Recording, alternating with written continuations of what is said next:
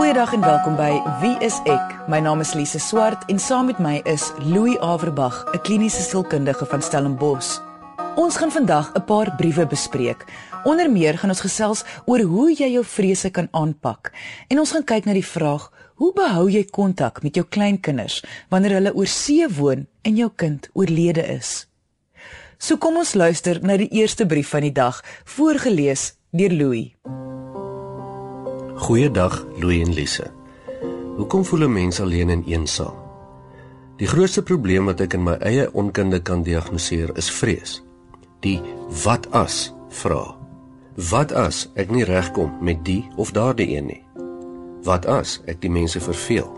Wat as ek sleg lyk? Wat as my geselskap nie intelligent is nie? Sulke tipe dinge hou my eensaam. Dit is my vrees. En dan die ander probleem. As ek by of saam met ander mense is, wens ek die tyd om om net alleen te wees. Wat kan ek doen aan hierdie vrees? Ek het dit meeste van die tyd onder beheer. Ek gebruik vrees wat ek ervaar in werksverband om myself te verbeter. As ek weet ek gaan in 'n situasie vrees ervaar, dan vind ek soveel moontlik van dit uit en pak die bil by die horings. Dit in op sigself veroorsaak dan weer 'n hele nuwe stel probleme. As ek moet 'n gemiddeld uitwerk, slaap ek seker so tussen 4 en 4 en 'n half uur per nag, indien nie minder nie. Wat kan ek doen? Anoniem. Louis wat hierdie kort brief so interessant maak vir my is hoe dit baie kante van een saak aanspreek en ook 'n paar verskillende onderwerpe. Lyk vir my ons het te doen met wie die persoon is versus vrees of angstigheid. Ja, ons het maar baie meer in die geval dink ek met vrees en angstigheid as met wie die persoon is. Dit lyk vir my jy verwys na die volgende sin van ons briefskrywer. En ek lees weer: As ek by of saam met ander mense is, wens ek die tyd om om net alleen te wees. Ja, dit voel vir my asof dit dalk kan wys nou wie die persoon is. En gewoonlik sou mens daarmee saamstem. Gewoonlik sal 'n beskrywing soos wat hy baie keer tyd omwens om alleen te wees nie noodwendig aanduidend wees van 'n probleem nie. Dit kan maar net 'n beskrywing wees van iemand wat meer introvert is ook. Maar in hierdie geval het ons myns en siens oorheersend te doen met 'n baie groot beskrywing van sosiale angstigheid. Kan jy in die hand van die brief net vir ons verduidelik hoekom jy sê spesifiek sosiale angs? Alles wat hy beskryf, die konstante bekommernis as hy tussen mense is, die konstante behoefte om alleen te wees. Die gevoel van eensaamheid want hy ervaar vrees om in situasies te gaan waar daar ander mense is en waar hy homself moet bewys, nê, nee, in die werk situasie en in privaat situasie. En natuurlik die gesukkel met sy slaappatroon. Wys vir my ten minste baie duidelik uit dat hy regtig diagnoseerbaar is met 'n angsversteuring hierso. Maar hoekom sosiale angs en nie byvoorbeeld algemene angs nie? Wat mens moet verstaan is dat sielkundige angs wat nie 'n logiese verklaring het nie, op baie verskillende maniere kan uitkom. Uh partymal kom ons sommer in fobies uit, nê? Ons is bang vir 'n spinnekop of 'n uh, slang. Uh dit kan in posttraumatiese stres uitkom, baie keer kan dit in sosiale angs uitkom. Want sosiaal is waar ons as mense onsself moet bewys. En dis waar ons die swaarste geweg word tussen ander mense. Jy hoef nie jouself te bewys as jy nie tussen ander mense is nie. En omdat hy die hele tyd verwys na eintlik sosiale omstandighede, is dit hoekom jy dan nou die afleiding maak. Ja, sy vrese gaan oor wat kan gebeur as hy tussen mense is en hy nie goed genoeg presteer nie. Maar om jou vrese te verstaan of te verwerk, moet jy nie terselfdertyd ook verstaan wie jy is en die effek wat ander mense op jou kan hê of selfs hoe jy verkies om met mense om te gaan. Moet mens dit eers verstaan nie. Dit sal baie raadsaam wees vir ons almal. Byvoorbeeld, dit is vir ons baie raadsaam om te weet, is ek meer 'n introverte persoon sodat as ek nie so baie sosiale goed bywoon soos my ander vriende nie, is daar dan fout met my of is dit maar net hoe ek is? En om om dan selfkennis te hê en om te weet maar dit is nou maar net hoe ek is, vat dan al daai onsekere vrese weg. Maar hoe gaan iemand kan onderskei tussen wie hulle is en kom ons sê nou maar sielkundige toestand, soos in hierdie geval die sosiale angs? Want soos dit vir my lyk, voel hierdie persoon dit is deel van wie hulle is. Ja, dit is ook die idee wat ek hierso kry. En kyk, ons het mos nou nie al die kennis om hierdie goed te verstaan nie, maar ons plig is dan om dit te leer verstaan. So gaan mens nou byvoorbeeld na 'n uh, jou huisdokter toe en jy kry jou cholesterol telling byvoorbeeld as jy slegte simptome het. Dan sê jou huisdokter vir jou maar hierdie is jou telling en dit is dan 'n voorbeeld om te wys want dit is hoe jy is, nê. Nee. Die simptome wat jy het as gevolg daarvan is dan iets wat jy dan moet leer om te herken en te bestuur. Party mense is gelukkig, hulle het van nature lae cholesterol tellings. Hulle hoef nie veel te bestuur nie. Party mense moet baie harder werk in sekere omstandighede. So mense moet nou leer, waar moet jy aanpas, waar moet jy hard werk en waar hoef jy nie te hard te werk nie. So met ander woorde as jy weet wie jy is en dan weet jy wat die simptome van jou toestand is, maak dit eintlik baie sin want dan gaan jy die simptome van jou toestand soveel beter kan hanteer. Veral deur wie jy is. Want uh, dit dit gaan tog ook 'n rol speel hoe wie jy is en hoe jy is gaan tog ook 'n rol speel van hoe jy die simptome gaan hanteer. Natuurlik, want elkeen doen dit op sy of haar eie manier. Sielkundige toestande of fisiese toestande of griep, enige toestande is 'n aanslag op 'n mens. Ek sien dit as 'n oorlog. Jy moet dit beveg. Hoekom? Sodat jy gemakliker kan leef. En om dit te leer beveg, help dit jou ook om te weet waar jou eie sterk en swak punte en wat vir jou normaal is of nie. So dit gaan jou pad net baie makliker maak. In hierdie situasie van ons briefskrywer byvoorbeeld, dink ek sal dit vir die briefskrywer baie baat om te verstaan dat die simptome wat hier beskryf word, is 'n toestand en is nie noodwendig wie sy of hy is nie. Maar ons kan dit nie sien nie want die simptome is te erg. Dis soos 'n hele wolk wat bo oor die persoon hang. Jy luister na wie is ek met Louie en Lise op RSG 100 tot 104 FM die persoon se brief handel oor die ervaring van eensaamheid hoekom voel mense alleen en eensaam dit gaan in essensie daaroor om nie verstaan te word nie en om nie 'n deelwêreld te hê nie Wat ek daarmee bedoel is dat dit nie afhang van die aantal mense tussen wie jy is om jou eensaam of nie eensaam te laat voel. Dit gaan oor die kwaliteit van die interaksie. Mense kan baie eensaam voel tussen baie mense. Dit gaan oor die gevoel dat word jy verstaan en word daar gedeel met jou die ervarings wat om jou is. En as mens dit nie het nie, voel mens regtig nogal eensaam. Ek weet vanuit vorige episode wat ons al bespreek het oor angstigheid, het, het jy die ervaring van angs verduidelik aan die hand van die wat as gevoel. Ek bedoel dit is juis hoe jy gaan voel. Maar die persoon gebruik die woord vrees. So hoe, verskil vrees van angs of is dit maar dieselfde ding?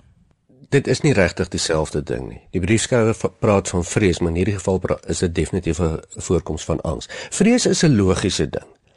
Vrees is iets wat ons almal logies kan verklaar. Ek is bang vir die leeu wat om die hoek stap. Enige iemand kan dit verstaan, dit is vrees. En dit is glad nie abnormaal van my om bang te wees op daardie stadium nie. Angstigheid weer, is iets wat niks met logika te doen het nie.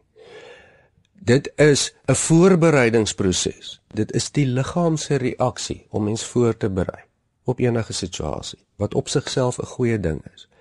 Maar as dit oorneem en waar dit onnodig jou wil voorberei op goed wat moontlik kan gebeur. Raak jou liggaam en jou denke in 'n gewoonte in dat jy dan in daardie wat as manier begin leef. En dan begin jy uit beheer uit voel, nê. Nee. Die probleem met sielkundige angs is dit dat dit mens dan hou in 'n gereedheid vir goed wat jy nie weet gaan dit gebeur of gaan dit nie gebeur nie, maar net oor dit moontlik is dat dit kan gebeur. Die ekstreme voorbeeld daarvan sal wees dat jy dan nooit in 'n motorkar klim omdat jy moontlik in 'n ongeluk kan wees nie. Want dit is waar, natuurlik kan jy in 'n ongeluk wees, maar op 'n manier moet ons almal maar op 'n basiese vertroue werk. As ons versigtig bestuur en ons doen wat ons kan, dan hoop ons maar ons is nie in ongeluk nie. Ons moet so leef, anders sal nie een van ons ooit ons huise verlaat nie uit angstigheid uit nie. Duidelik het hierdie briefskrywer se liggaam en emosies al oorgeneem teen logika in dat hy of sy konstant moet bekommerd wees oor wat moontlik kan gebeur en te moet voorberei. En dit veroorsaak dan 'n konstante fisiologiese angstigheid en is duidelik nou al 'n gewoonte en is 'n diagnoseerbare toestand. Maar waar dit 'n sneeubal effek begin kry soos dit duidelik by ons briefskrywer al begin het en die angstigheid al hoe meer en al hoe meer permanent raak, dan is dit 'n probleem. Dan begin dit mense lewe oorneem. So met ander woorde, dit kan net erger en erger raak. Ja, gewoonlik raak dit stadig maar seker erger en erger. Dit raak nie sommer van self beter nie. So kan dit dan ook hierdie vrees, soos die persoon dit bewoord, wees wat 'n mens eensaam laat voel. Wel nie die vrees of die angstigheid in die geval self nie, maar die gedrag wat daaruit voorkom. As mens bang is vir sosiale situasies en wat mense gaan sê of dink van jou dan gaan jy ook so optree dat mense jou versigtig gaan benader en nie baie met jou te doen wil hê nie. En dan gaan jy eensaam word, ja. Want die ander helfte daarvan is dat jy jouself isoleer om weg te bly van stresvolle situasies af. So ja, 101 gaan jy al hoe eensamer en alleener word.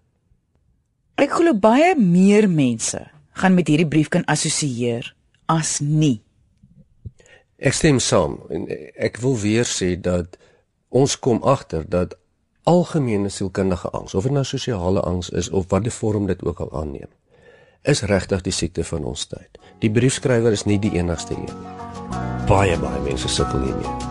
Indien jy wil hê ek en Louie moet jou brief, storie of vraag hier op Wie is ek bespreek, kan jy ons kontak deur ons webwerf wie is ek een woord.co.za of gaan na ons Facebookblad onder wie is ek met Louie en Lise. Onthou alle briewe wat bespreek word sal anoniem bly. So wat sal jou antwoord vir hierdie persoon wees?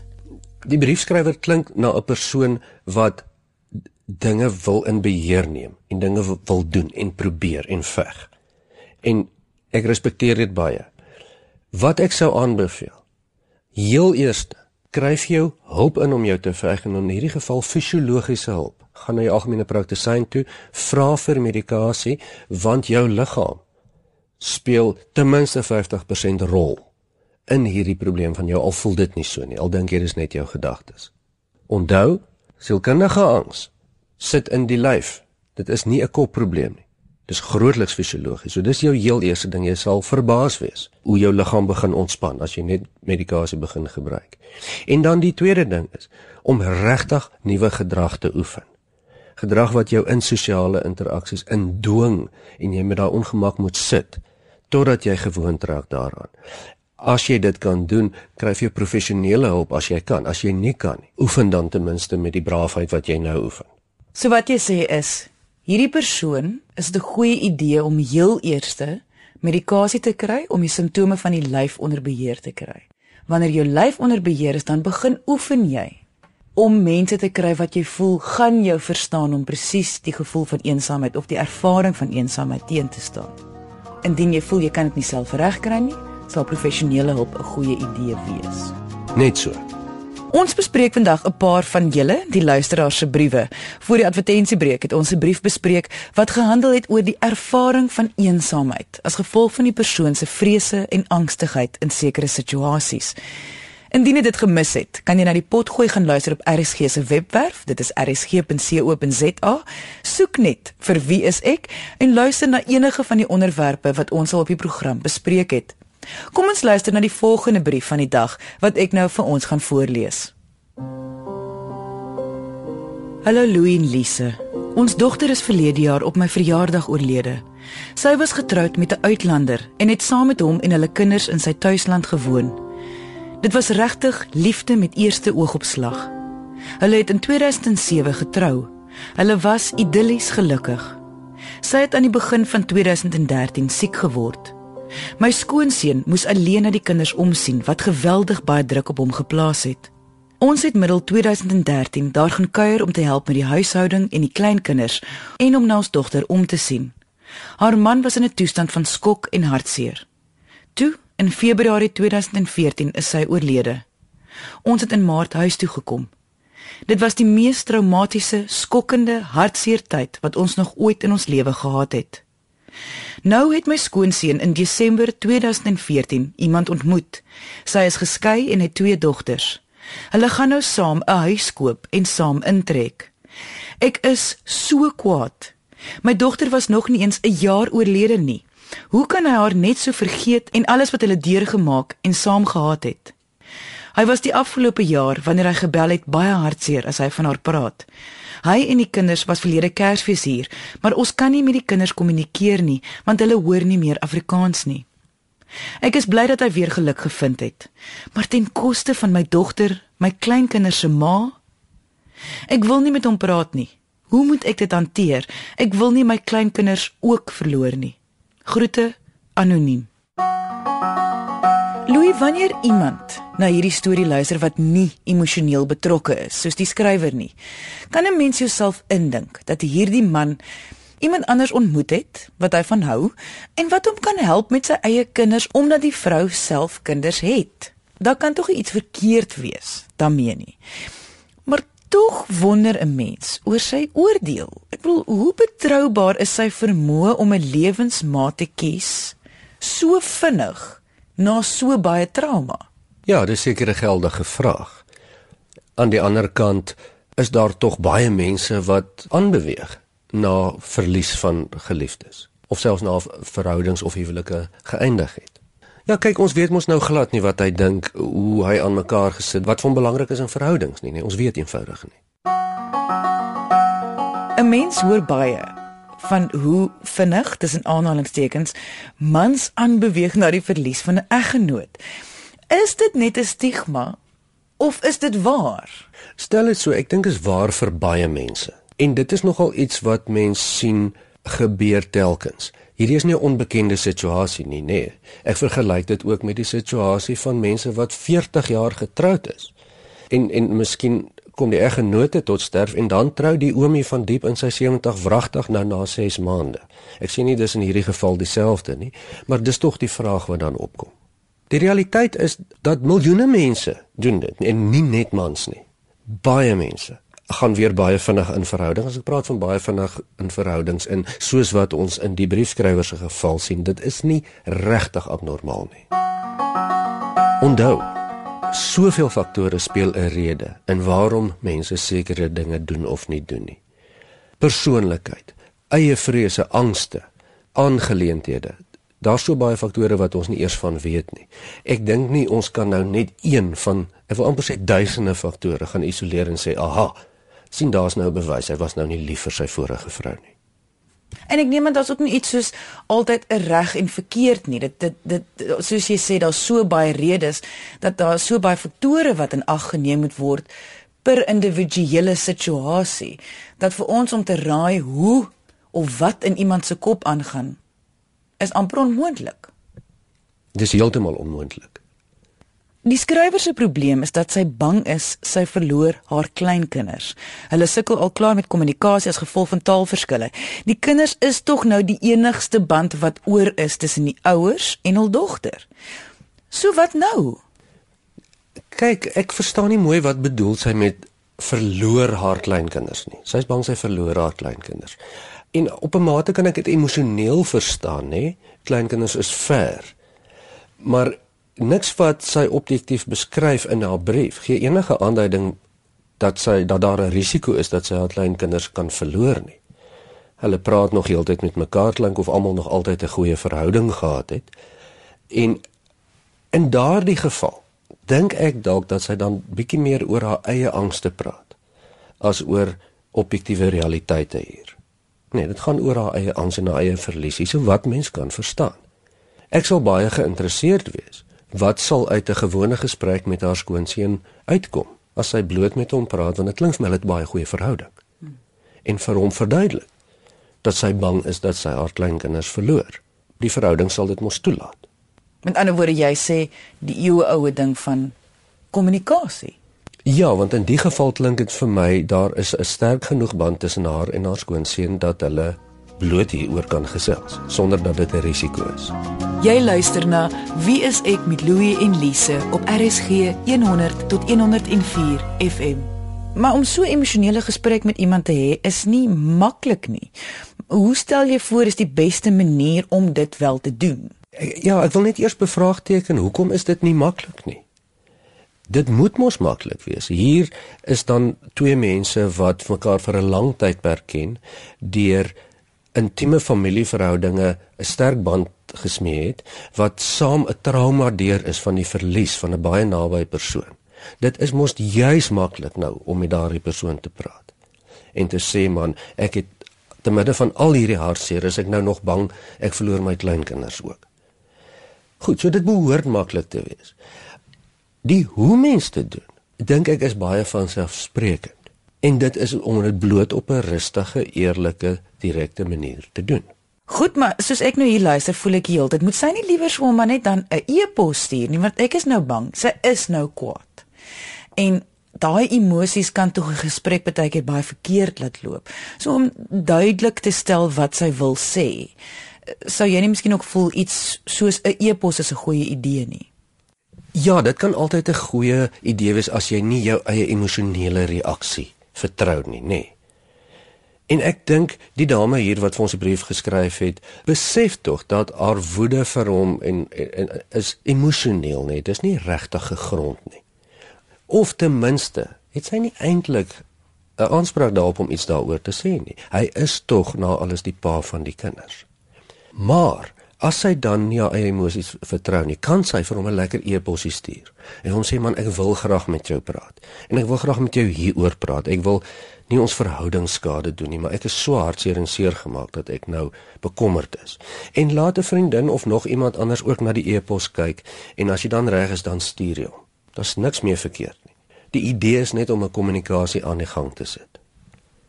Net omdat sy oorlede is, julle dogter en sy vrou is nie te sê dat jy en skoonseun net nou kan nou nie meer met mekaar praat nie. Julle is nog steeds presies dieselfde mense. En as jou dogter vir wie julle altyd dan so lief was, se oordeel goed genoeg was om hom te kies, dan dink ek kan mense haar vertrou en en en met hom praat daaroor. Want hy het homself nog nog nooit anders bewys nie, klink dit vir my. Hy het nog nooit bewys dat jy nie met hom kan praat nie, klink dit vir my. Indien jy wil hê ek en Louie moet jou brief, storie of vraag hier op Wie is ek bespreek, kan jy ons kontak deur ons webwerf wieisek.co.za of gaan na ons Facebookblad onder Wie is ek met Louie en Lise. Onthou alle briewe wat bespreek word sal anoniem bly. Wat mens regtig moet in gedagte hou, is dat niemand gedagtes kan lees nie. En die probleem hiermee is dat in ons pogings om vir ander mense te verduidelik wat in ons koppe aangaan, het ons nie altyd die beste toerusting tot ons beskikbaarheid. Ons het nie altyd die regte woorde nie. Ons het nie altyd die regte omstandighede nie. Aan die einde van die dag moet ons klanke uit ons keel voortbring wat ander mense moet interpreteer. En as ons glad nie eers daarmee begin nie, dan is daar geen manier wat ons nou tot 'n oplossing of tot 'n gerusstelling kan kom nie. Ek dink wat hier nodig is, is dat sy wil graag weet, maar waar staan ek dan nou ten opsigte van my kleinkinders? As jy nou aangaan met jou lewe en jy trou, wat wanneer sien ek my kinders? Wat van hulle? En dis haar vrees, nê. Nee. En dit hoef nie haar vrees te wees nie. So wat jou antwoord vir die skrywer vandag sal wees is kommunikasie. Dit is al wat jy het wanneer jy 'n probleem het. As jy nie weet wat aangaan in 'n situasie nie, vra vir die persoon en sê vir 'n persoon hoe jy voel, hoe jy dit ervaar en wat jou vrese is vir die toekoms. Want dit is al hoe jy dan gaan uitvind hoe die ander persoon ook daaroor voel. Ja, dit waarborg nou nie dat jy dat die ander persoon jou pragtig gaan terugantwoord en dat jy noodwendig die resultaat gaan kry wat jy wil hê nie. Maar as jy dit nie doen nie, is jy gewaarborg dat jy geen resultaat sal kry nie. Ons het aan die einde van vandag se episode gekom. Dankie aan die skrywers van vandag se briewe. Indien jy enige vrae het oor vandag se onderwerpe of enige ander onderwerp, kan jy ons kontak deur ons webwerf. Dit is wieisek.co.za of kom gesels saam op ons Facebookblad onder wieisek met Louie en Lise. Dankie dat jy vandag ingeskakel het. Ons maak weer so volgende Vrydag 12:30 net hier op RSG. Jy moet 'n heerlike naweek hê en onthou, kyk mooi na jouself.